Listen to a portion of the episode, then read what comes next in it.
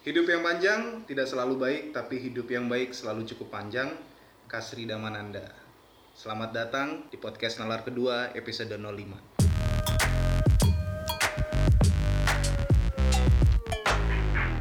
Eh, halo, halo, selamat datang di episode 05 podcast Nalar kedua. Hari ini saya mohon maaf karena tidak ada suara wanita di episode 05 ini. Our precious Nona Jan tidak bisa hadir di take buat episode 05. Dia kayaknya lagi sakit dengan sakit dengan apanya sih dia? dengan pikirannya. Dengan pikirannya mungkin ya. Dia memasukkan ilmu yang salah dalam Iya, dia merasa kemasukan ilmu yang salah. Mungkin nanti bisa dengerin ceramah jam 6.45 pagi itu. ya, biar cepat sembuh. Hari ini udah di ujung tahun 2018. Tahun ini banyak banget kejadian-kejadian terutama di Indonesia dan di diri saya sendiri juga banyak kejadian. Pasti juga di teman-teman ini. Oh ya saya belum kenalin. Hari ini eh, kita walaupun tidak tidak tidak memiliki suara-suara wanita yang sangat dirindukan eh, hari ini kita kedatangan tamu dari jauh. Jauh banget. Kebetulan ini teman SMA saya jadi ya sangat menarik kisah hidupnya nanti wah Waduh. ternyata dia oke nanti kita bahas ke depannya di sebelah saya ada tamu kita dulu ya Dharma Halo, halo. halo Dharma gimana nih apa kabar Ah, sejauh ini baik ya. Senang sih bisa pulang kampung ke Bontang. Wah, Pulang kampung diajak bikin podcast sama Iksan. Jadi liburnya berfaedah. Wah, padahal anfaedah podcast ini Oh, jadi undangan dia.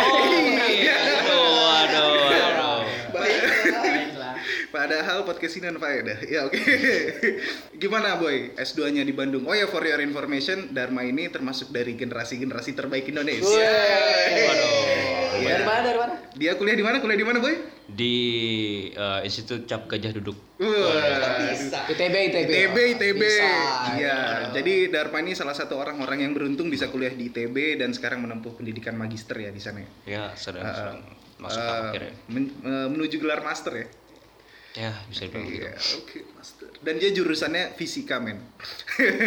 Luar biasa. Benar-benar generasi Ah, Benar, di benar. koreksi, geofisika. Oke, dipertegas. Coba kita nyebut aja salah ya. Inilah kenapa kita nggak pantas di Soalnya geofisika dan fisika itu sedikit berbeda gitu. Oke, dipertegas lagi. Sebetulnya ini resolusi kayaknya. Ya, Geofisika. Oke, oke, lanjut. Kita memperlakukan tamu seperti sampah ya. generasi terbaik di sampah di podcast ini. Karena dia salah tempat datang Aduh, sini. aduh, aduh. Lanjut, lanjut, lanjut. Oh ya hari ini dari tim podcast Nalar kedua ada Agus, ada Kiki dan ada Rahmat. Saya mau sapa-sapa dulu ke mereka. Eh, gimana tahun 2018-nya, Mat? banyak hal baru di 2018 untuk pertama kalinya aku mengalami yang namanya operasi Waduh. Oh iya kemarin Rahmat sempat insecure dengan nyawanya. Ketakutan eh, nyawanya hilang karena operasi tonsilitis. Nah, tonsilitis itu bahasa kerennya dari amandel. yang kayak samsak di dalam tenggorokan. nah, itu. Yang dekat banget sama jantung ini. Iya dekat banget sama jantung kalau itu kecucuk dikit kayaknya Rahmat kehilangan nyawa. Oke, ini melegitimasi tidak berfedahnya podcast ini. Saya salah. Oke, gimana gimana gimana? Tuh udah sembuh nih gimana? Ya udah udah mending udah udah bisa makan yang aneh-aneh walaupun belum bisa makan yang pedas Iya, semoga Rahmat operasinya yang kemarin tidak berefek buruk ke bagian-bagian tubuh yang lain ya. amin Nah, sepertinya kok saya punya fi- firasat buruk sih. oh boleh Wah, apa? Baru belum kering bibir saya bicara. gawat gawat gawat Gimana kalau ini di sampingnya Rahmat ada Kiki? Ki, gimana? Apa kabar? Ya, Hari ini baik, kayaknya baik. terlihat lusuh. Nggak, nggak, seperti biasanya, saya tuh fokus dengan mencari kesibukan. Iya, oke. 2018 buat saya sih eh, tempat belajar sih, karena akhirnya mungkin bukan akhirnya sih belajar ngelihat dari orang-orang ternyata ada masalah yang lebih berat gitu. aja. Mm-mm. di atas langit masih ada langit Iya gitu. Mm-mm. Di atas langit masih ada Hotman Paris ya. Iya. Hotman Paris. Iya, iya, iya. Oke, eh, Agus. Eh, gimana kabarnya, Gus? Eh, Alhamdulillah baik. Ha-ha. Gimana liburannya? Kan Eh. habis habis liburan semester ya? Sedang liburan semester ya Iya, sekarang sekarang ya? liburan semester. Lumayan menyenangkan. Saya mendapat jatah waktu tidur yang banyak Mm-mm. dan menenangkan otak dari Dan memenangkan turnamen PUBG sekota ya. Wah. Wah. Juara tiga ya, juara tiga. ya? Timnya apa namanya? PK Avenger ya. PK Avenger Waduh. generasi terbaik PK. bangsa PK. Generasi terbaik. Player ya. kill.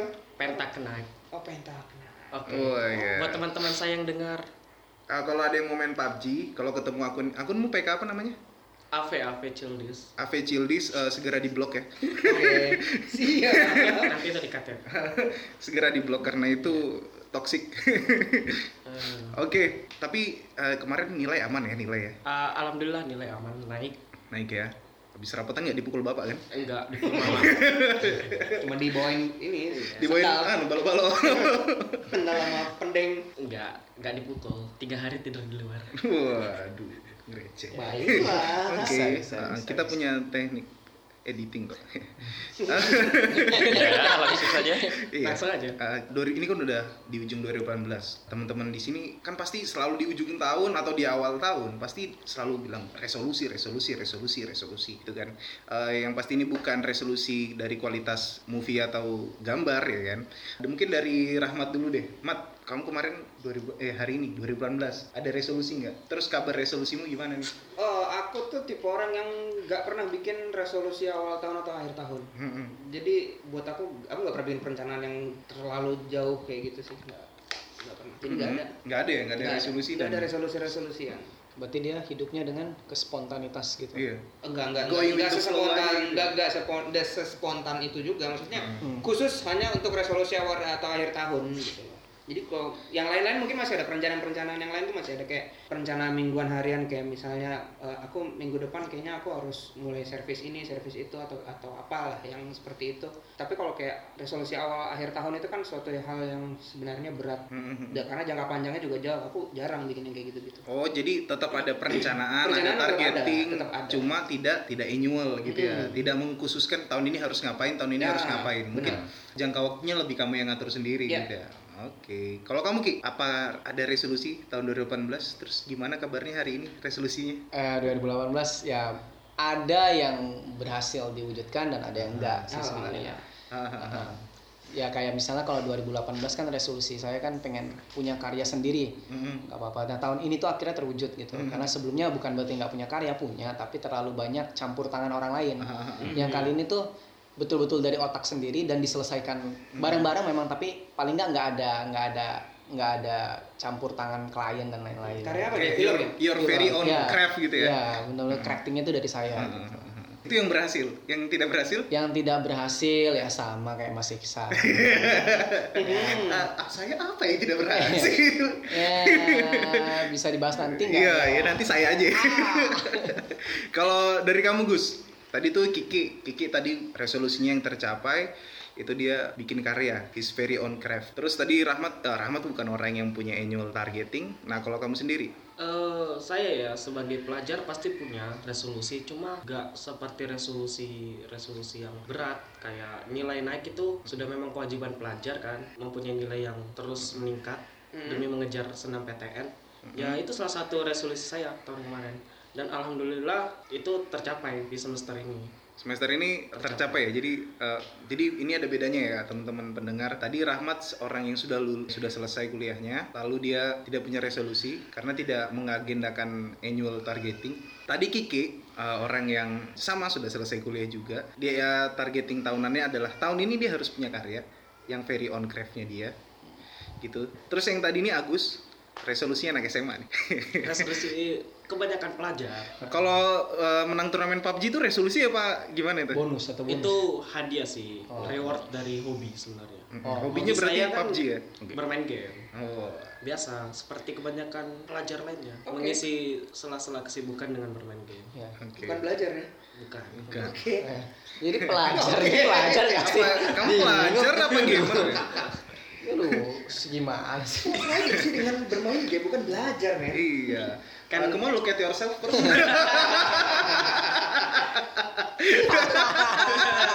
Somebody call the Bernwards Baiklah. Eh, nanti tuh kayaknya pelajar sesungguhnya bisa dijelaskan sama tamu kita nanti yang the real generasi terbaik Iya, generasi terbaik Indonesia di tahun itu kan ya. Ampun. the one and only Dharma Arung Labi. Yeah. The one and only Dharma Arung Labi. Gimana? How's your 20 and 18 and ada resolusi nggak yang tercapai atau yang nggak tercapai? Ya kalau resolusi ada ya. Dan kalau tadi ditanya apa eh, bagaimana 2018 banyak hal-hal yang yang membuat apa ya kayak ngebuat pengen menyerah, pengen eh, mundur. Heeh. Terus setelah saya lihat ternyata ada satu, satu sesuatu yang besar yang ternyata ada di belakang saya yang menolong saya untuk hitam nggak hitam? Waduh, hitam. Besar kita. Waduh.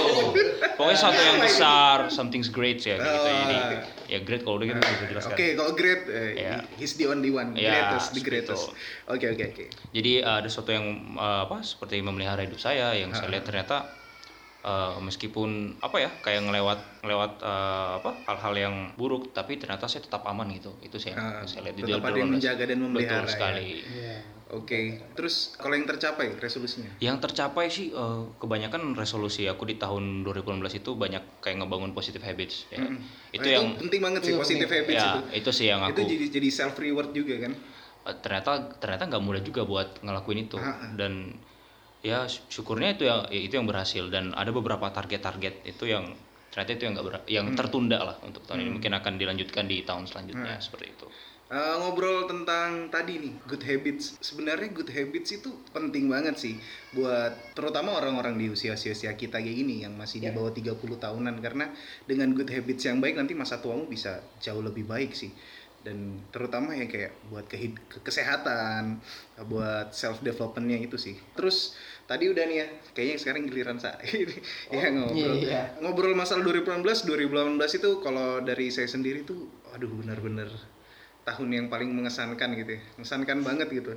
Kayak wah di di sini roller coaster kehidupan saya benar-benar terjadi Iya. gitu loh Eh, di mana saya merasakan saya bisa bekerja yang eh, kalau kemarin kita di episode sebelumnya bahas masalah ikigai saya mendapatkan passion saya saya kerja di dapur. Mungkin Dharma yang teman lama saya paham mimpi saya bagaimana dulu kan. Saya dapat kerja di dapur saya step up di kitchen di situ dan benar-benar merasa puas bekerja di situ tapi di sisi yang lain saya mendapatkan banyak cobaan mungkin sama seperti Kiki resolusi saya saya bekerja di kitchen di 2018 tercapai dan Kiki mau dipronounce juga masalahnya Nah, ya mungkin kami bukan orang yang baik di hubungan asmara di tahun Oh. ini tapi next year pasti getting better lah. Amin. Amin. Ya doakan saja mungkin ada pendengar yang punya minat sama kami Aduh aduh. Oke oke. Jadi jualan. Mungkin kar- karena itu semuanya laki-laki yang malam ini. iya Waduh, karena malam ini kita laki-laki semua Kasihan, kasihan. Alright. oke ini bachelor party apa gimana Oke, Next. eh, eh, itu dan ah, resolusi saya itu tadi yang tidak tercapai adalah ya, ya saya pengen harusnya sih tahun ini saya menikah, tapi ya mungkin bukan Oh. rezekinya. Oh, alright. Tuhan punya rencana lain. oh juga tapi tahu ya. iya, nggak usah oh oh deh kalian ketemu semua tahu acing. Kan ceritanya kita pura-pura nggak tahu. Ah, nggak apa-apa. Jadi buat teman-teman di luar sana yang memang buru-buru pengen nikah, pertimbangkan, pertimbangkan karena banyak hal yang harus dipertimbangkan sebelum menikah, terutama di kalian dan pasangan kalian. Ini jadi episode 03 lagi. Enggak, lah ini. Iya, Sedikit kita- ini merangkum yang dulu. Bapak. sedikit nge-recap yang kemarin. Ah, kita tadi ada yang punya, ada yang enggak. Mungkin ke yang uh, minoritas dulu ya. Alright. yang tidak punya. Menurutmu penting nggak sih punya resolusi? sebenarnya bukan bukan di resolusinya sebenarnya tapi lebih ke bagaimana kita menjalankannya gitu kalau Hmm. misalnya sesuatu yang tidak apa ya sesuatu yang di, di- direncanakan dengan matang dengan baik terus tidak dijalankan kan percuma. Hmm, jadi sebenarnya bukan lebih ke perencanaan kayak ah, bu- gimana ya bahasanya? Bukan lebih ke aku pengen begini aku pengen begitunya tapi gimana Hmm. cara kita melakukan itu gitu loh. Jadi aku tuh tipe orang yang nggak suka mikir banget di awal aku pengen begini pengen begitu. Hmm, tergantung kebutuhan pada saat itu aja gitu. Hmm, lebih ke kebutuhan sebenarnya. Hmm, kalau dari Kiki penting nggak sih punya resolusi? Penting penting. Kalau buat aku penting banget sesuai dengan karena kan kemarin kita ngomongin ikigai ya soal Mm-mm. ikigai itu the reason for being apa sih alasan kamu untuk bangun pagi setiap harinya? Dan aku ini bukan bukan seperti pekerja pada umumnya yang tiap hari bangun to 9 to 5 dengan alasan tuh mungkin tuntutannya adalah Ah. kerja gitu. Tapi tuntutannya tuh aku kerja tapi memang saya tidak punya kerjaan tetap, tapi saya tetap bekerja. Anu 24 ya Mas ya. Ya. Iya. Ya, Pak tolong tetap Pak. Iya. Baiklah. Buat Sa- yang kemarin. saya tidak pengangguran, Pak ya. Iya, walaupun pekerjaannya tidak tetap, Kiki itu tetap bekerja, tetap berkarya. Jadi bukan berarti Anda harus insecure dengan Kamu pekerjaan. bapak saya, kamu bapak saya. Gimana? Kita mendukung, kita mendukung. Nah. Kita mendukung. Ya, Jadi- Waduh, waduh. Oke, oke, oke. Saya bersemangat kalau bahas ini. teman-teman Nah, jadi intinya karena saya bukan pegawai pegawai tetap yang punya jadwal, ikigai atau enggak resolusi itu membuat saya punya alasan tiap hari bangun, punya semangat itu kayak gitu. Dan saya tuh tiap hari punya uh, hidup saya paling enggak tertata gitu. Kita kan Mm-mm. punya punya hal yang akan dilakukan setiap harinya Mm-mm. gitu. Dan menariknya dari resolusi itu kan ternyata prosesnya. Mm-mm. Nah, seperti itu. Oke, nanti kita bakal bahas Iya, uh, proses pembuatan dan gimana ngekip resolusi yang kita buat itu. Kalau dari aku sendiri, penting nggak sih punya resolusi tiap Men- tahun? ya, menurut saya sih penting Mhm. karena saya sebagai pelajar itu harus ada tuntutan harus ada Target ke depannya ya? eh, ada target Harus lebih baik. Harus dari lebih sebelumnya. ke depannya itu harus bagaimana seperti itu karena misalnya saya ini sebagai pelajar tidak punya tuntutan Mhm. mau jadi apa saya nanti ke depan Oh, iya. Jadi bingung. Baiklah. iya. itulah pentingnya resolusi Uh, resolusi itu target kamu supaya kamu tahu mau kamu ke depannya mau ngapain. Eh, ya prosesnya Hmm. resolusi itu prosesnya rencana kita mau ngapain di tahun itu Hmm, Oke oke. dan resolusi nanti ujungnya di goals target itu Oke. Siap. Baiklah. Kalau tadi udah dari Agus, sekarang dari our generation. Waduh, jangan gitu Pak. Gitu. Tidak apa-apa sekali-sekali kita menyiksa tamu. Oke. Loh, benar. Kita tuh dari kemarin punya dua tuh generasi bukan generasi kita gitu. Ah. Ya, ini, ini satu poin buat kita. Iya. Kayak kemarin tuh generasi non millennials kan kita sebenarnya generasi X kan ya. Iya. Yes. Iya, kalau mau digolongkan secara banyak kan kita masih ke X. Kayak iya ini sombong sekali mentang-mentang. Iya, dan generasi- menariknya kita selalu kalah sama Selalu yang milenial yang kemarin Oh, itu, iya. yang Jan itu. Heeh, jadi Jan itu memang yang kalau bisa dibilang ya ya begitulah. wanita wanita Eh, superior Heeh, kayak wanita alpha lah. Wanita. alpha eh, female alpha female bener. Bener. Alpha female. Nah, kalau dari mungkin ini alpha generasi kita ya. secara pendidikan, secara pendidikan. pendidikan, betul, betul, secara betul, pendidikan dia eh, Paling di atas kita. Iya, benar. Iya. benar. jauh di tapi- atas Makanya saya pertegas dengan secara pendidikan. Iya. secara ketamanan juga kayaknya mungkin. Oke, oke, oke. Oke, kalau dari Dharma sendiri, penting nggak sih resolusi? Kalau menurut aku sih penting banget ya karena eh, resolusi itu kalau buat aku resolusi itu kayak self improvement. Jadi kita keputusan untuk mau ngapain sih. Jadi sebelum melakukan sesuatu kita harus ngebuat keputusan. Nah resolusi itu kita ngebuat keputusan itu gitu. Jadi kalau kita nggak ada keputusan kita mau ngapain sebenarnya Hmm. itu sih. Jadi menurut aku sebelum kita melakukan sesuatu ya membuat suatu keputusan itu. Hmm, keputusan mau ngapain? Iya, keputusan mau ngapain. Jadi buat aku ya kalau kita ada sih yang beberapa motivator yang pernah aku dengar juga dia ngomong kayak gini, kalau kita nggak ngebuat perencanaan, kita sudah berencana untuk gagal, katanya sih gitu. Hmm, hmm, hmm, hmm. Make sense sih Iya. sebenarnya. Jadi kalau kayak tadi Rahmat nih, Hmm, Rahmat kan tidak punya annual iya. resolution. Resolusi tahunan. Iya. Ah, Yang tidak punya itu annual resolution. Apakah dia punya kemungkinan gagal di tahun ini? Oh enggak, sebenarnya Kan Ra- Rahmat pun membuat perencanaan, tapi jangka waktunya aja. lebih lebih pendek Iya, atau lebih itu- panjang? itu aja dia sebenarnya. manage manage sendiri tergantung pekerjaannya Mat ya. Ah tadi kita udah bahas tentang penting atau nggak pentingnya punya resolusi. Eh, sebenarnya kalau dari saya sendiri sih ngelihat resolusi itu penting sih karena itu kayak something you have to achieve in this years and in the next years gitu loh. Jadi kamu harus tahu apa yang kamu bakal perjuangkan, kamu make effort untuk apa. Mungkin kayak Kiki tadi dia bangun setiap harinya untuk ngelakuin apa dengan punya resolusi itu, eh, dia tahu gitu loh. Dan Dharma sendiri jadi tadi juga udah bilang, Agus pun, Rahmat pun. Nah, tadi kita udah bahas penting nggak pentingnya, udah bahas eh, kita punya apa enggak resolusi. Sekarang nih, menurut kalian, sebelum kita eh, sesat nih, Yoi. kita harus tahu dulu dong. Resolusi itu sebenarnya apa, Apa? sih? Nah. resolusi ini apa? Tadi eh, udah dibahas banyak. Mungkin dari Kiki dulu deh. Menurut Kiki, Ki, resolusi itu apaan? Menurutku, Eh, oh, resolusi. menurut saya sih kalau resolusi itu lebih ke tuntutan sih. Tapi Hmm. tuntutan apa sih yang mau dikasih ke diri sendiri dan diri sendiri ini mau melakukan apa untuk diri sendiri juga dan untuk orang lain yang kayak gitu. Hmm. Mm. Lebih ke tuntutan intinya sih bahasa simpelnya sih kalau buat aku sih tuntutan.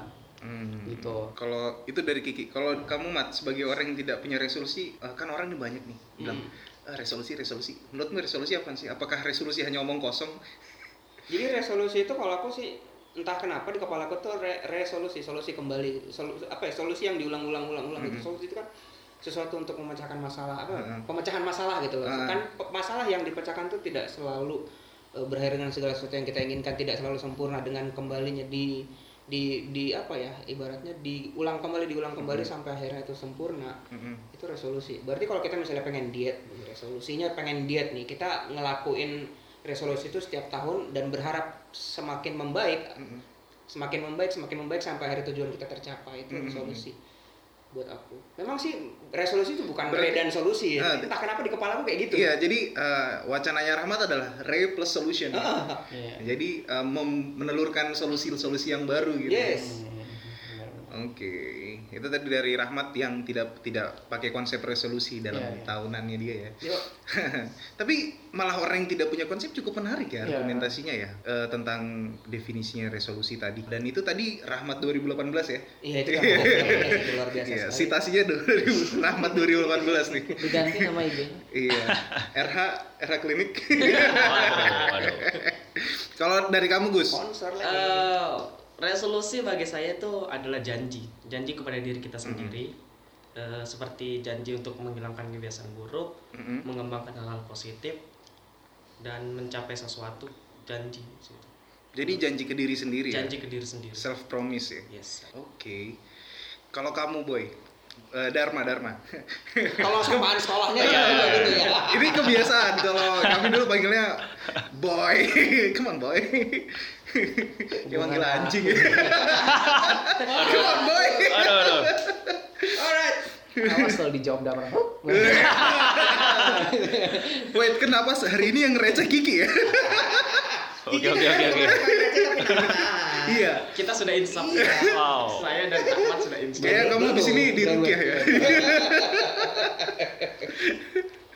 Gimana? Gimana gimana gimana? Ya, resolusi ya. Kalau menurut aku sendiri resolusi itu keputusan Mm-mm. Untuk melakukan sesuatu atau tidak melakukan sesuatu atau juga untuk mencapai sesuatu. Ah. Nah, ya, tadi karena keputusan ya, jadi ada proses pertimbangan, ada proses pemikiran. Jadi nggak sembarangan gitu. Jadi bisa ngelihat keadaan kita kayak gimana, terus sumber daya kita kayak gimana, kita mau capai apa sih. Jadi resolusi itu dibuat ya nggak asal-asalan sebenarnya. Jadi karena tadi keputusan, jadi proses pemikiran-pemikiran dan melihat fakta yang ada seperti apa. Jadi ya keputusan intinya keputusan. keputusan untuk melakukan atau tidak melakukan ya.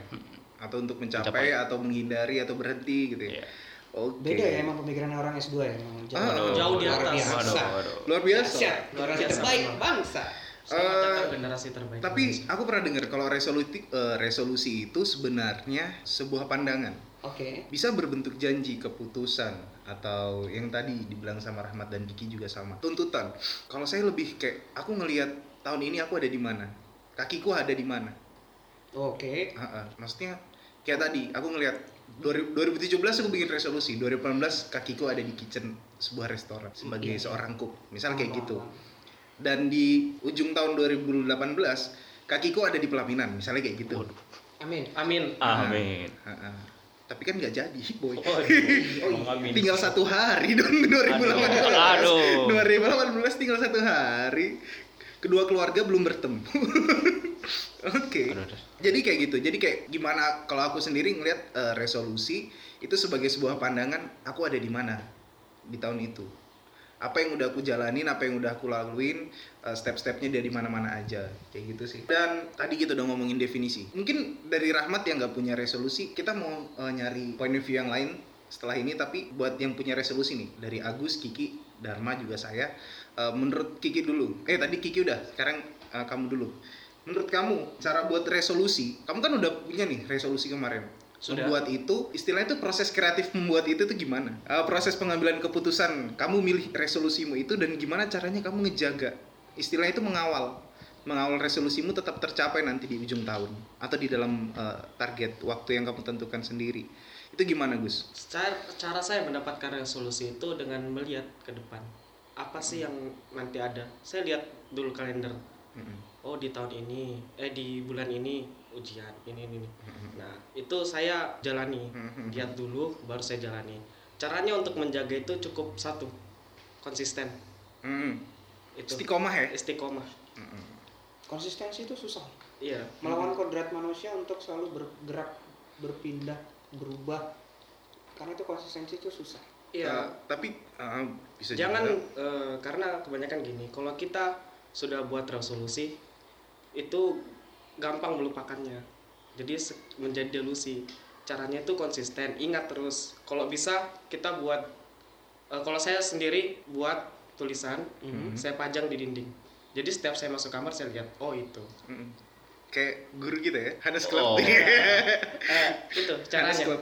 jadi buat buat resolusi jadi buat resolusi itu teringat terus Hanes Club. Iya tapi tapi itu masih berlaku juga untuk untuk anak kuliah atau, bahkan orang yang udah kerja hal yang dilakukan Agus itu masih berlaku Heeh, menarik sih, menarik, Menarik. menarik, menarik. Kalau dari Kiki sendiri, punya tips-tips nggak sih cara buat resolusi? Kayak kamu menempu- menentukan hari ini, eh tahun ini kudu punya karya Hmm. yang benar-benar my very own craft, Ya. gitu loh. masih balik kalau agak tipis-tipis nyentuh ikigai ya ambil sesuatu yang paling aku sukai Mhm. dan menurutku agak agak agak susah nih ku dapatin tapi aku suka prosesnya Mhm. misalnya contoh ya misalnya musik aja itu paling susah buat aku misalnya aku pingin belajar musik yang kayak gitu Mhm. aku ambil nah satu-satu caranya untuk semangat atau keeping it-nya itu Mhm. sebenarnya ngasih hadiah buat diri sendiri ketika Keep itu it real ya? Iya, keep it real jadi kalau begitu self reward dan tipsnya sih jangan pernah ngambil sesuatu yang terlalu mustahil ya. Iya. Ya, maksudnya? Iya, iya, aku gini gini. Yang menarik dari resolusi adalah ketika kamu ngambil resolusi yang kecil, kita tuh pingin setelah yang kecil itu berhasil, misalnya bulan kedua itu udah selesai yang kecil. Mm, mm, Kita punya semangat untuk ngambil resolusi yang besar gitu loh. Mm, Yang kayak gitu. Jadi buat buat buatlah tangganya, tangga Ah. dramatik Oh, buat oke. buat buat resolusi Berjenjang. Ya, jadi begitu misalnya dapat yang yang sederhana aja bisa, nah ini bisa nambah. Mm-mm. Dan yang paling susah nanti kasihlah reward buat dirimu sendiri gitu loh. Mm-mm. Hadiah buat dirimu sendiri. Nah, hadiah itu sih yang paling makanya biasa lah manusia sama kayak binatang juga. Iya kan, Eh, apa namanya? Eh, reward and punishment. Iya, yang kayak gitu pasti tahu Heeh. kayak gitu. Nah, itu kalau tips dari aku sih. Jadi ada jenjangnya ya, nentuin yang mana Ah, dulu yang eh, yang lebih mudah dulu. Possibility-nya paling Iya, tinggi ya. iya. Heeh. Kayak misalnya eh, hari ini sebenarnya bisa dari hal-hal yang simpel. Contohnya eh, hari ini mulai tahun ini aku nyuci bajuku sendiri, misal kayak gitu. Atau kaos kakiku harus selalu bersih. Iya. Nah, Hmm. Atau misalnya yang pengen diet, aku pengen minggu depan beratku berkurang setengah kilo. Yang yang simpel gitu, jangan yang tiba-tiba aku pengen minggu depan beratku berkurang 10 kilo. Buset. sebenarnya bisa, aku pernah nyoba itu. Ya PR lah. Ya, tapi kan tipsnya bisa. satu, hidup miskin. Nah.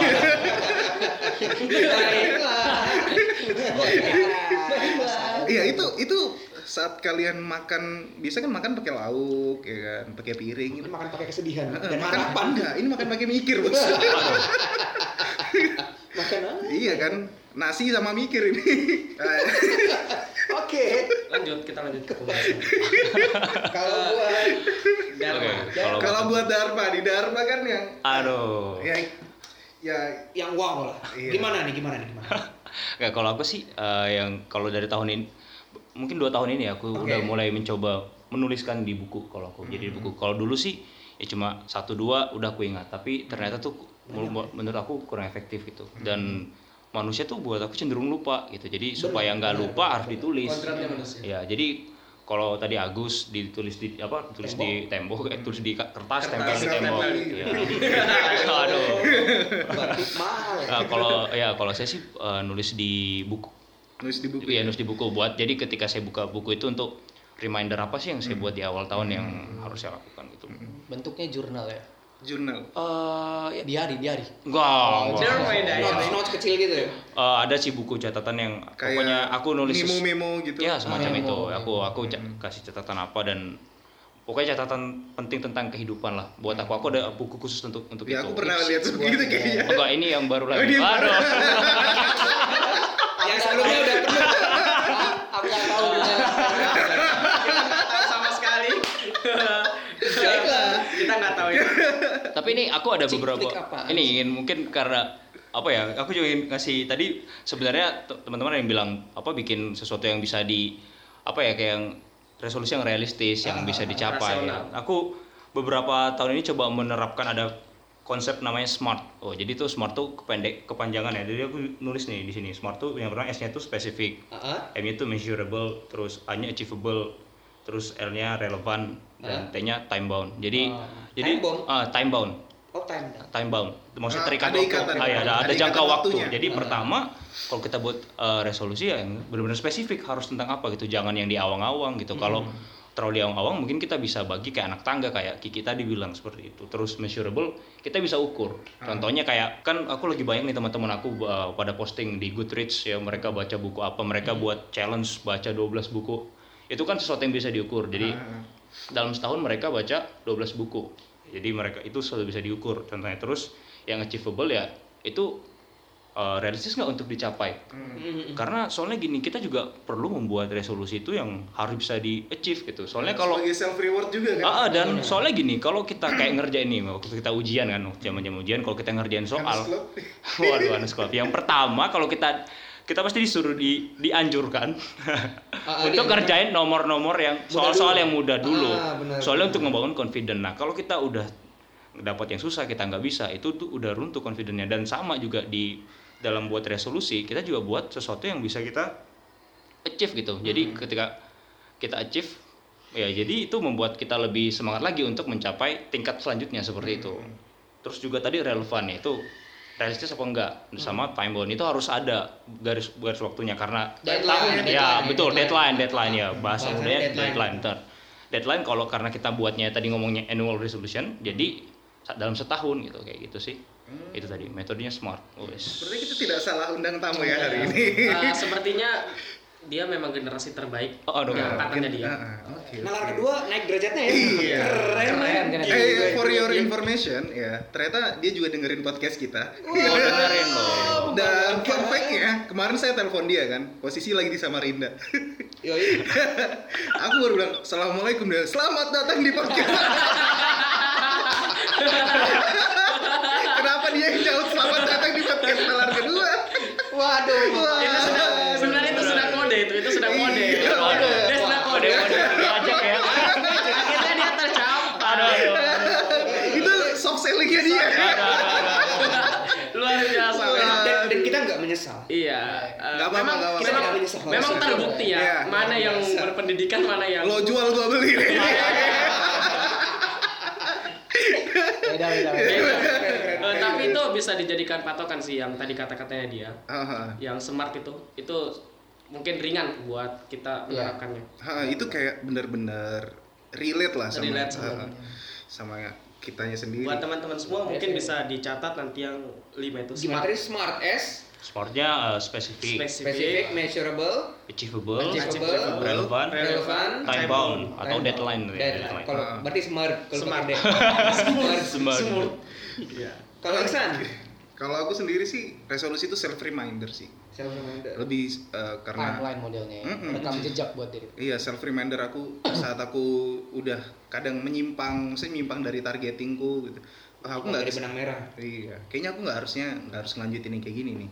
Aku punya sesuatu yang harus aku achieve di tahun ini. Jadi resolusi itu sebagai self remindernya aku sendiri gitu loh.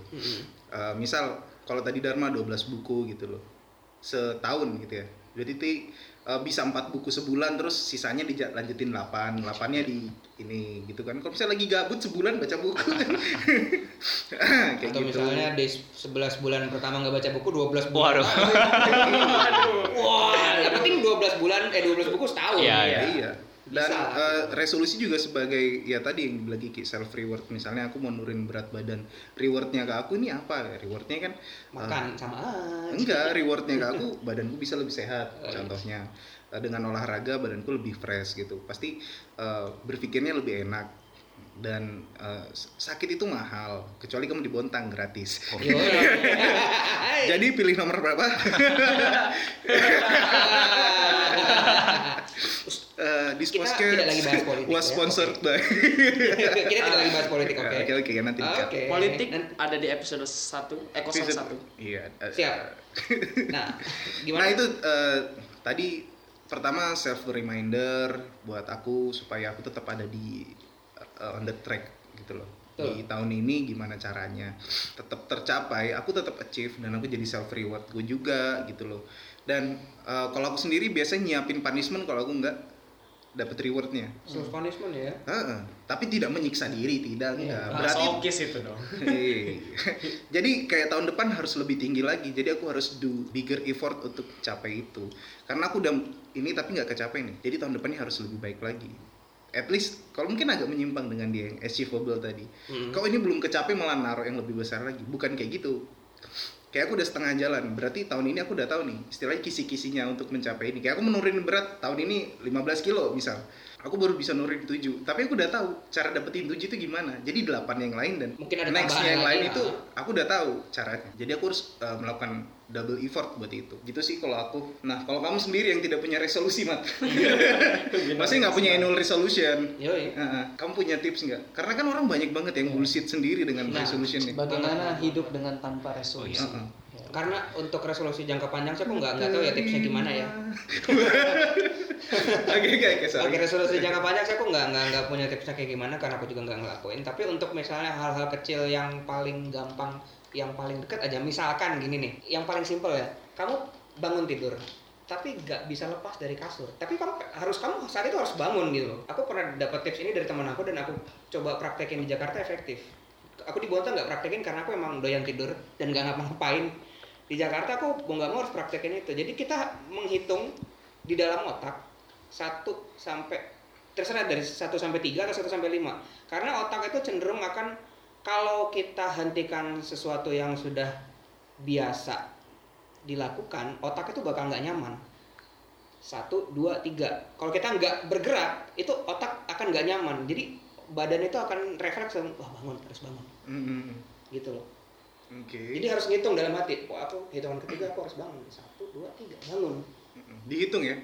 dalam hati Satu. Gak usah, gak usah, ya ngomong juga nggak apa-apa sih silakan, tapi harus dihitung. Terserah mau angkanya 3 sampai 5 gitu. Jangan kebanyakan, nanti nggak bangun-bangun Dua. di kasur terus nantinya. Iya dong.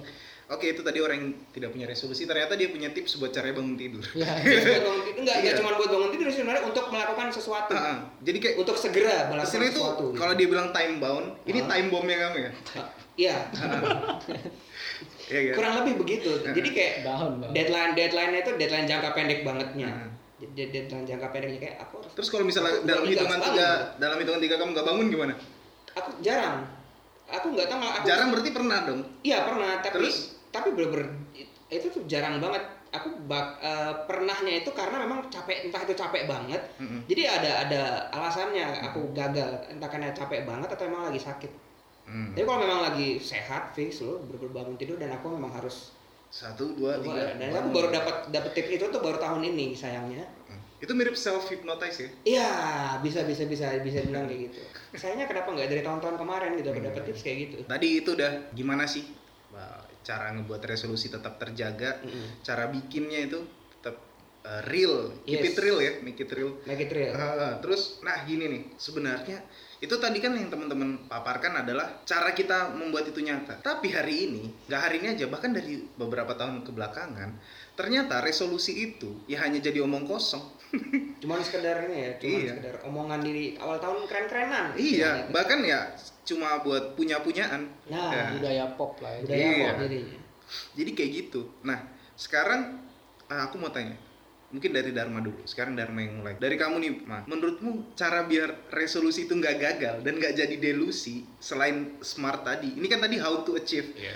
And yang ini apa yang harus kamu hindari? Yang harus hindari ya. Nah, harus hindari supaya resolusi ini tetap bisa kita capai. Aku pengen ngebawa narasi ini sih. Resolusi yang selalu jadi delusi. Hmm. Nah, tadi kita udah dapat smart dari Dharma, terus dari bagaimana tetap menjaga itu. Nah, aku pengen tanya ke kalian, gimana cara menyikapi orang yang sekedar punya-punya aja Ah. gitu. Heeh. Cara Menurut menyikapi kalian, orang lain. Heeh, cara Oke. menyikapi orang. Kayak kan kita juga harus ada mission. Hmm, Uh, oke. talking about uh, Ya, ya. ikigai Ya, di ya, ya. episode sebelumnya. Uh, kan kita juga pengen nih. Sebenarnya orang tuh dia membuat resolusi udah ada keputusannya kan. Oh, aku Sudah. mau rep- uh, resolusi ini. Kenapa? Karena uh, mungkin Kendall Jenner juga resolusinya itu. Gitu kan. Iya. Eh, lanjut lanjut lanjut. Tapi iya kan, ada Iya, iya. kayak gitu gitu. Heeh. Nah, dari kalian nih, eh dari Dharma, kalau kamu nyikapin orang yang kayak gitu gimana? Jangan jawab pakai smart lagi deh. Enggak. ya kita Habis tuh. Selesai dong. kita menyikapinya dengan smart. Maksudnya smart ya. Ya. Eh, the si- true sika- smart, ya, the true ya. smart. Iya, iya. Ya maksudnya yang pertama sih ya ya udah biarin aja gitu tuh kan ya emang sekarang karena sosmed ya eranya semua orang pasti apa pun diposting bahkan lagi hal-hal kecil diposting apalagi resolusi pasti pada diposting kan nih pasti teman-teman kalian nih lagi banyak kan uh, ngupdate di instastory resolusi lain. mereka apa ya be- ya be- ya, Ya, ya itulah itulah pokoknya. Pokoknya Ya, itulah. semacam itu jadi kalau buat buat aku sih ya nggak masalah sih Mhm. Selau dan itu nggak nggak ganggu juga sih kalau buat aku ya Mhm. ya biar aja mereka berekspresi Nah, ya itu sih Eksistensinya mereka ini nggak masalah. Mhm. Hmm. Pembelaan dari yang tidak punya. Oh, tapi dia nggak punya dan tapi yang aku salut dia nggak sok punya. Iya, Oke. iya, benar. Nah itu Iya. Lebih baik jujur ya. Iya, jujur aja. apa adanya. Bilang aja nggak punya Nggak gitu. punya, buat apa Buat apa resolusi? resolusi? Coba dengar yang punya. Gimana gimana kalau kamu? Kalau aku menyikapi ya, misalnya ada teman yang punya resolusi gitu, tapi cuma omong kosong doang, ya Ah, bullshit doang. ya. bullshit doang. Ya kita ingatkan. Delusi kan, delusi Iya, jadinya. delusi. Kita ingatkan aja. Kamu kan punya resolusi, kenapa kamu nggak jalan itu? Daripada kamu pelontang pelanting nggak jelas. Wah, pelontang pelanting ini gimana pelontang? Eh, maksudnya eh, hidup Itu atasnya pelontang arah. panting itu. Iya. atasnya pelontang panting, pelontang pelanting. Ada L. Iya, pelontang itu pelanting. next level of pelontang panting ya? Iya, karena kita jadi bahas itu ya. Ah, iya, oke. L. Iya. Kan ada pelontang pelanting. L Ada Oke, zillimeter next. mata oke. Eh, ya kita ingatin aja. Misalnya aku punya teman, dia bilang resolusi saya 2018 Mhm. saya ingin naikkan nilai grade saya mau saya naikkan terus dia malas-malasan Mm. sering tidur di kelas kita ingatkan eh resolusimu kemarin kayaknya ini kalau dia cerita ke kita ya kalau misalnya dia nggak cerita Gak usah sok-sokan. nggak usah sok-sokan aku view di SGM kayak gitu. iya maksudnya kita eh, sebagai teman yang baik ya kita mengingatkan "Eh, resolusimu ini kalau kamu terus begitu kamu nanti mau jadi apa itu resolusimu Oh, kalau aku ngingatinnya nggak dengan seperti itu. No mention ya. Ah, bukan. Kalau kalau tadi itu kan eh, kamu pertama ada eh, kamu tuh ada dua bagian tadi. Yang pertama Ah. kamu mengingatkan, eh kamu kemarin gini. gini. Terus kedua kamu ada menjudge. Kalau kamu mau kayak gitu kamu mau jadi apa? Wah. Nah, itu kan aku eh, nggak pakai yang belakangnya. Aku cuma ngingatin set selesai. kalau saya sih Kalau aku kayak gitu. eh, Dia generasi judgmental. Iya. Waduh. saya senang menjudge hal-hal yang Iya, Iya, hal-hal yang tabu nggak- untuk dibicarakan. Enggak, itu nggak salah. Itu nggak aku nggak nggak menyalahkan itu. Maksudnya kalau aku entitled. Oh, benar. Kalau kalau dia caranya seperti itu, kalau aku cuma sebatas sampai mengingatkan selesai. Ya udah. itu kan tadi menurut Ah. saya kan Pak. Ah. Iya, makanya. Ayo cucu cucu Nggak masalah. opinion. Kamu nggak cocok. Gak bisa. Itu signature wordnya Miss Jennifer. Nggak bisa, kamu Tidak bisa bisa. kamu. Eh, sorry sorry, saya nanti buat sendiri. Bisa. Iya. Dari segi fisik aja udah beda. Ya jelas, dia Jelas, laki-laki. kan dia- Nah, Oke, Sudah. matter again. Jadi menurut saya itu Mhm. menyikapi itu. Kalau misalnya ada eh, orang-orang di luar sana ya sudah biarkan aja mereka. Tapi kalau misalnya teman kayak dia ngomong gini ke kita ya kita wajib mengingatkan dia sebagai teman yang baik. betul sekali. Nah. Teman yang baik itu senang melihat temannya sukses bersama, bukan senang menjatuhkan. Oke. Nah, sekarang buat eh, Rahmat nih. Tadi kita udah kalian kamu kan udah denger nih, Mat. Yo. Aku punya, Dharma punya, Agus punya. Kiki pun punya resolusi. Betul sekali. Eh, kamu nggak punya annual target.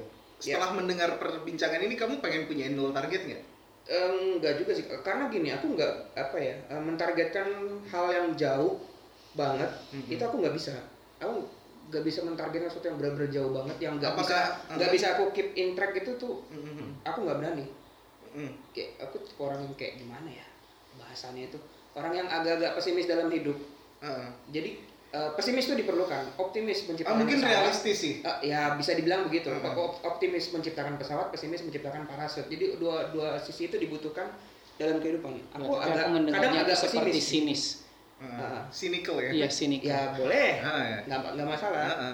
it's okay cuman aku nggak bisa mentargetkan hal yang jauh kayak gitu dan kalau suatu hal yang tidak bisa aku ukur dan tidak bisa aku targetkan aku nggak berani ngelakuin Mm-mm. aku takut dengan hal yang tidak bisa aku targetkan aku ukur kayak gitu-gitu aku nggak bisa Oke, berarti konsep smart nggak masuk di kamu. nggak eh, bukan nggak masuk konsep smart itu bisa tapi tidak untuk hal yang jauh banget buat aku gitu loh Ah, isi isi berarti. karena aku pasti akan di tengah-tengah akan lost track gitu loh. Ah, nggak apa-apa itu dia tahu tentang dirinya sendiri gitu. Iya. Kita Ya, harus nah, nah, itu ah, maksudnya ya, benar. kita harus juga- paham dengan diri kita sendiri dulu Betul, sih sebelum merencanakan itu sih. Jadi misal Rahmat ya aku nggak bisa yang long track kayak gitu. Mungkin aku pakai dua bulan dengan konsep Nah, kalau kayak gitu bisa. Ah, ah.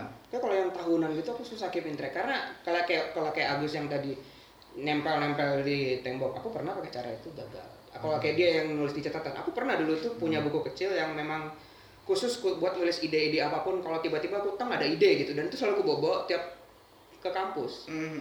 Baru setengah keisi, akhirnya tuh buku jadi coret-coretan aja, coret gambar-gambar-gambar. Oh, Terus, aku punya ya, solusinya itu, Mas. Kill yourself.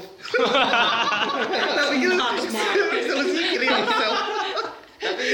Tapi smart. Tapi smart dan itu hilang buku itu. Iya. Jadi kayak, ya aku bener-bener gak bisa. Untuk hal yang se- sejauh itu tuh yang terstruktur kayak gitu tuh aku bener-bener susah. Main game aja yang ada event hariannya, yang tiap hari harus begini begini begini aku gagal. gagal. Ngelut ngeluting ngeluting harian ya. Ah, yang kayak gitu itu yang harus seminggu tek- berturut-turut. Aku gagal. Main game loh hal yang aku paling suka.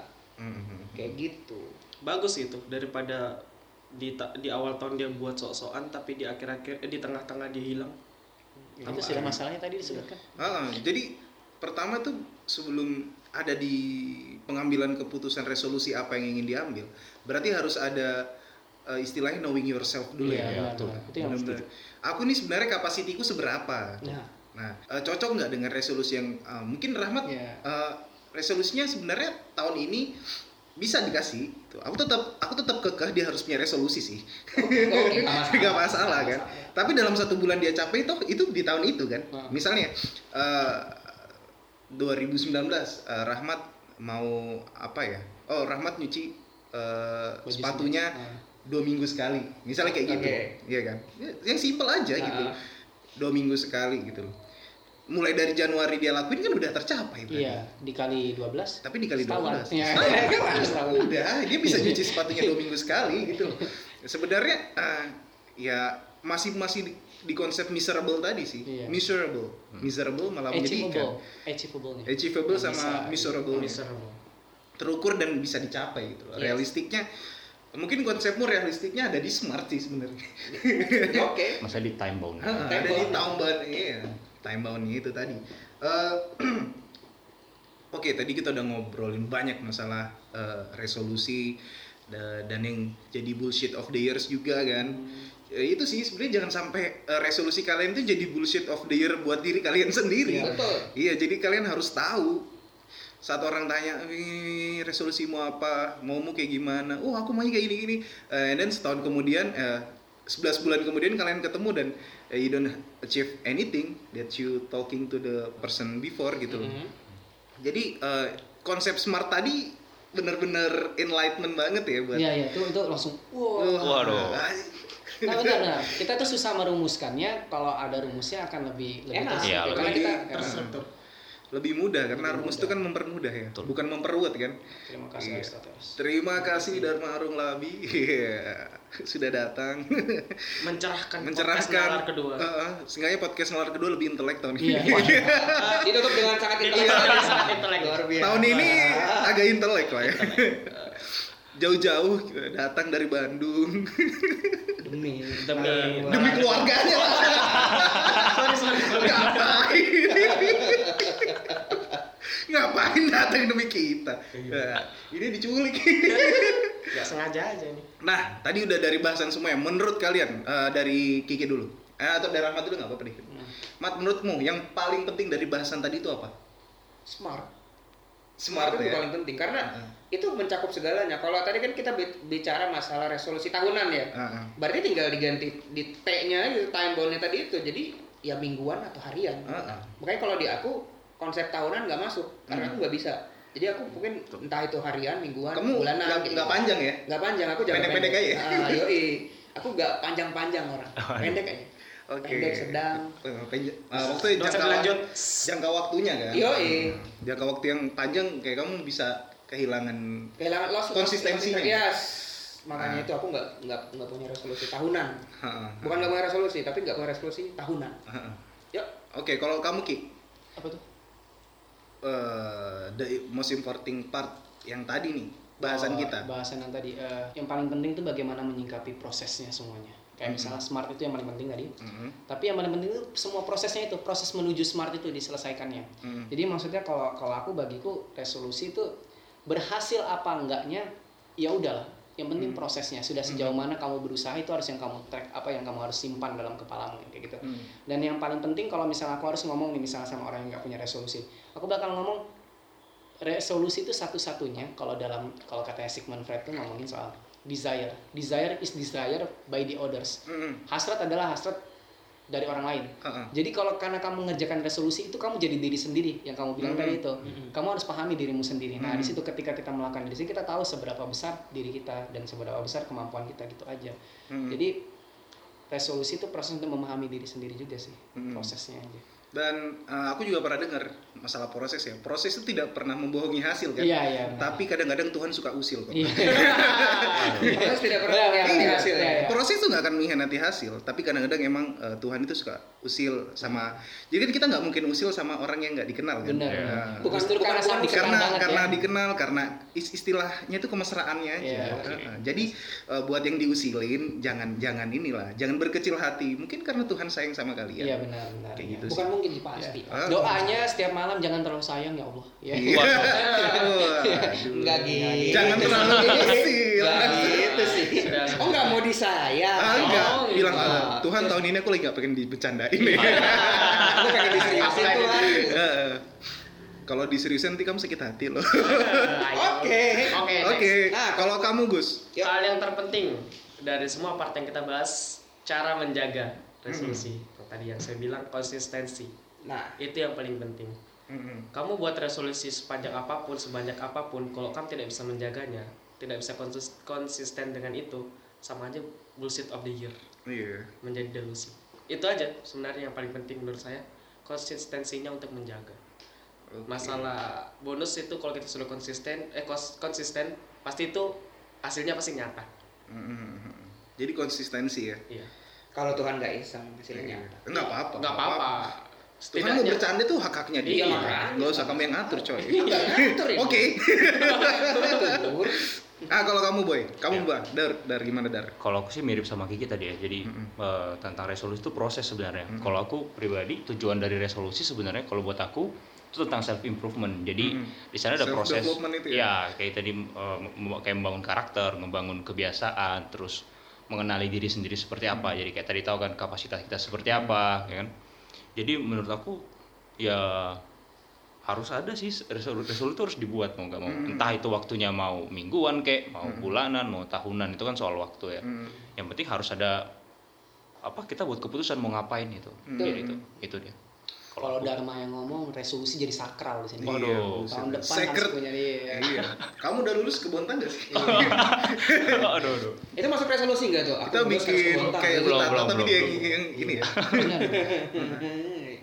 Eh, kalau aku sendiri ngelihat bahasan tadi, yang paling penting itu knowing yourself dulu sih. Proses paling awal itu ya. Dan selain knowing yourself, harus mulai ngelakuin. Iya, benar. Memulai ya. Memulai. Karena start itu yang paling berat sebenarnya. Eh, jangan apa procrastinating ya. Ya. Eh, procrastinating itu Menunda-nunda. racun Iya. sih sebenarnya. Betul. Eh, mungkin ada some parts yang eh, kita harus tunda karena ada ada hal-hal yang memang melatar belakangi itu dan memang esensial nggak apa-apa ditunda tapi ditunda dalam eh, artian bukan sengaja ditunda karena Males. males bukan sengaja ditunda karena emang pengen ditunda aja tapi emang kalau ini dilakukan sekarang kemungkinan berhasilnya kurang misalnya Nah, kayak gitu lebih kan ke perencanaan. Ah, lebih ke time managementnya nah, kayak gitu Perencanaan dan pematangan. jadi eh, yang pertama tadi kalau dari aku sendiri self knowing dulu Betul. Heeh. Yang kedua start. Kalau nggak start nggak akan nggak akan jadi apa-apa. Kayak aku pengen kurus tapi nggak nggak mulai olahraga, nggak mulai ngatur pola makan, nggak mulai pola ngatur, ngatur pola istirahat, nggak akan jadi apa-apa. Aku mau kerja di kitchen tapi aku nggak belajar apa-apa. Aku nggak ngeplay ke kitchen ya nggak akan jadi apa-apa. Hmm. Kan kayak gitu. Aku mau nikah misalnya. Misalnya aku nggak berusaha memperbaiki diri, nggak berusaha ngumpulin modal, ya nggak akan jadi apa-apa dong. Kayak kayak gitu. Jadi eh, kalau dari aku sendiri itu yang pertama hmm, tahu diri, yang kedua mulai. Itu sih. Eh, tadi ada konsep smart dari Dharma. sangat membantu sekali Bukan Salah dari saya, Yang Pak, dari dipaparkan. buku, dari buku. Iya. dari buku yang dibawakan Iya. oleh Dharma Ha-ha.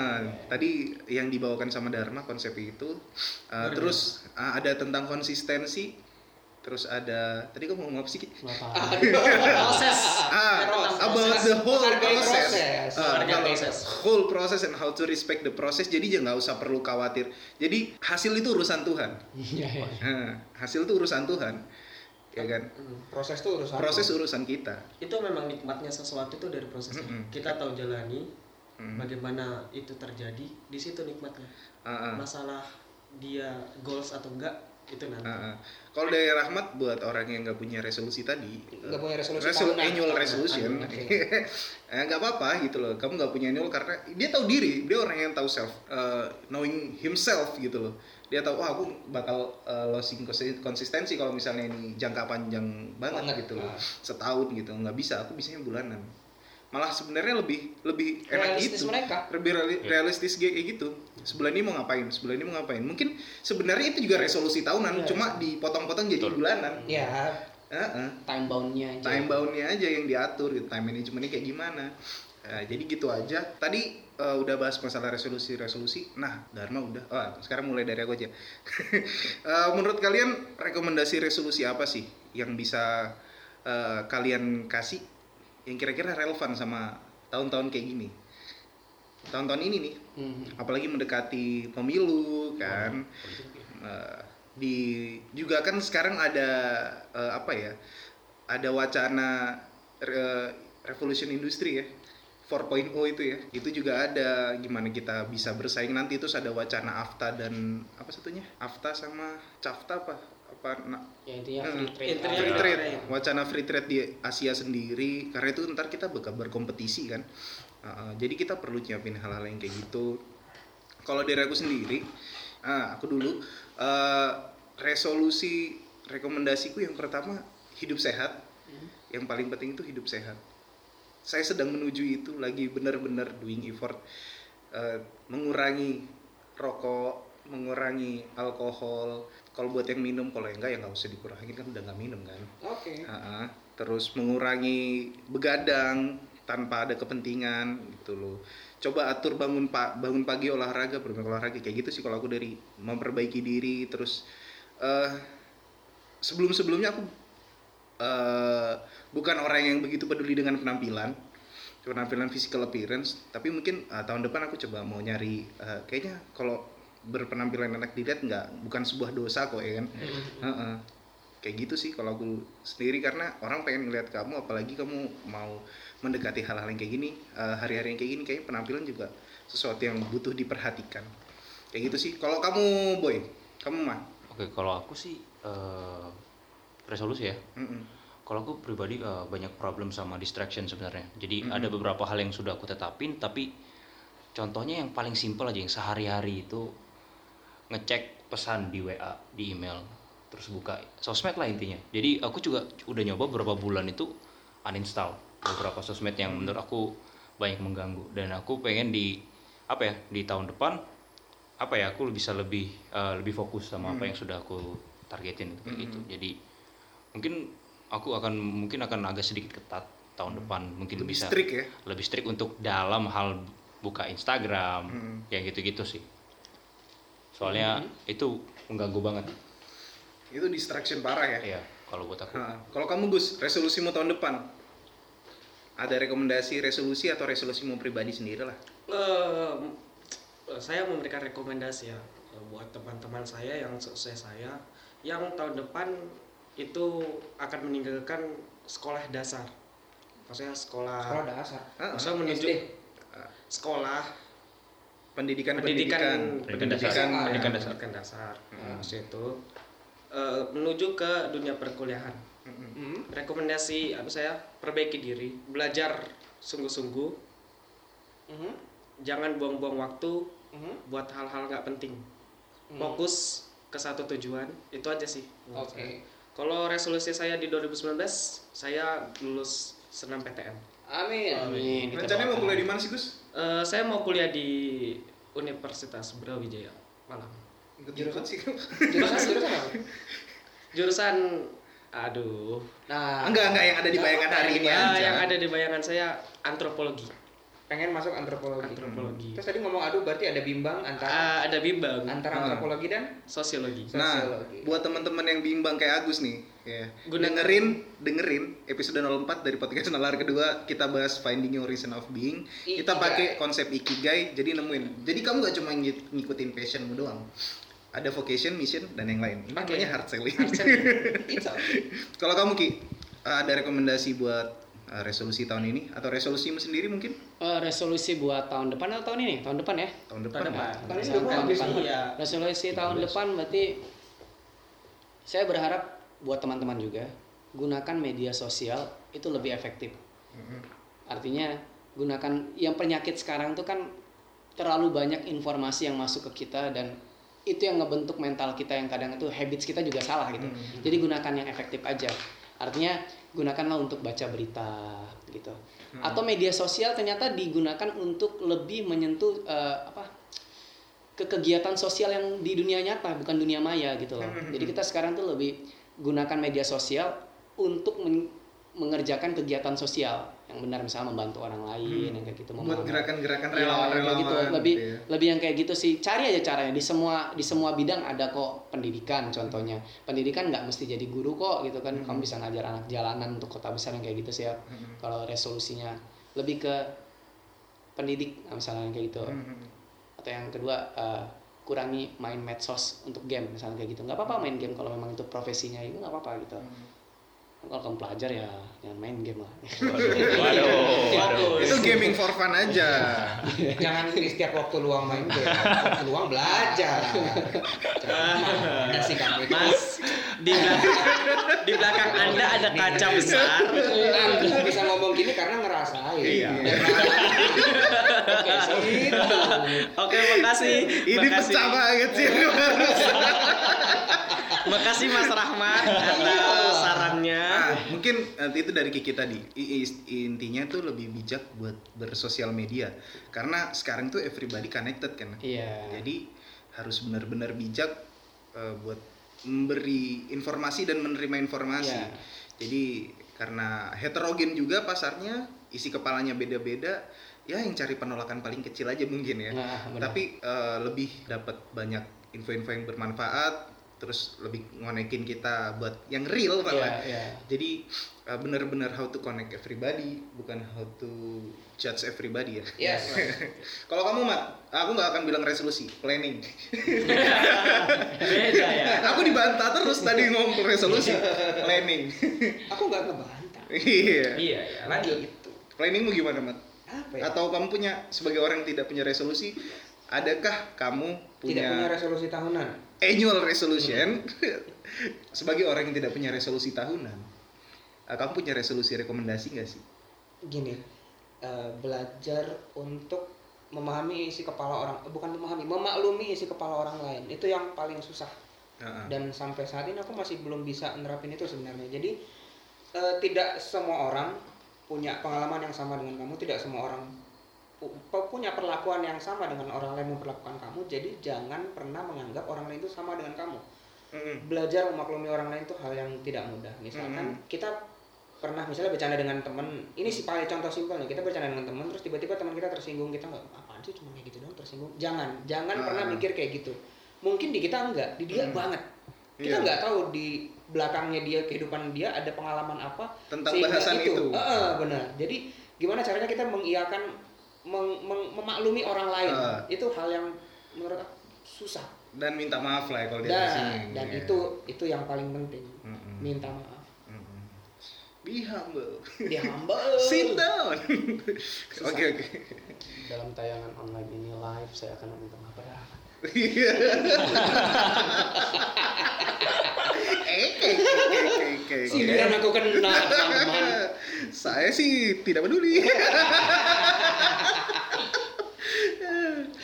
aduh hai apalagi sih yang dibahas ini resolusi akhir tahun masing-masing Eh, silakan tutup tadi udah pada resolusi akhir tahun masing-masing ya udah Oh, iya. Heeh. aku tadi hidup sehat sih aku anggaplah aku juga pengen deh nyumbang katakanlah aku bisa ya aku pengen sebenarnya aku masih pengen banget sampai hari ini resolusi tahun depan ya Mm-mm. mempraktekkan apa yang aku omongin tadi. Mm-mm. Karena rata-rata yang aku omongin tadi itu harapan kosong yang dari tahun-tahun tahun-tahun Masih delusi ya? Masih delusi. Susah loh yang pengen lakuin tadi itu. Mm-mm. Kalau tadi Dharma bilang soal sosmed dia uninstall uninstall, ada satu uninstall apa sosmed yang berhasil aku uninstall sampai sekarang dan nggak pernah aku buka-buka lagi Facebook. Susah deh itu berat Berat. banget. Itu, Berat itu banget. dulu tuh butuh tahunan itu untuk Oke. Heeh. Tapi Install, Dota install, menginstal ya?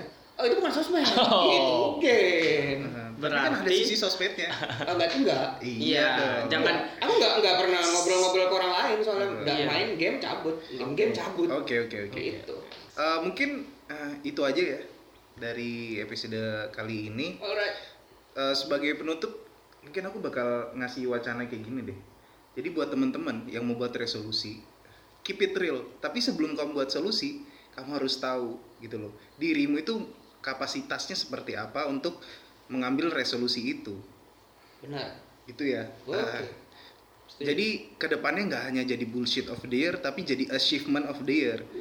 Gitu aja ya. Mungkin eh, dari kami semua, terima kasih buat Dharma Waduh. yang Special udah hari ini. Sama-sama. Terima kasih banyak. Senang Dharma sekali. yang smart luar biasa. Waduh. Dharma dengan smartnya ya, konsep ya, smart. dengan konsep smartnya tadi ya. Terima kasih, terima kasih juga buat Agus, Kiki, bapaknya Kiki, keluarga besarnya Kiki keluarga yang besar lagi di bawah. Kiki ya sebagai produser kita dan Rahmat eh, buat Jen, Jen eh, cepat sembuh dari eh, sakitnya. Semoga episode habis ini eh, suara anda bisa menghiasi podcast kami. Bisa mengudara kembali. Iya bisa modal lagi suaranya. Eh, dan mengundang banyak pendengar-pendengar. Iya. Terima kasih buat teman-teman yang udah dengerin episode kali ini. Gitu aja. Uh, sampai jumpa di next episode of podcast Selar kedua. Ciao. sampai jumpa di tahun depan Sampai jumpa tahun depan. Bye bye.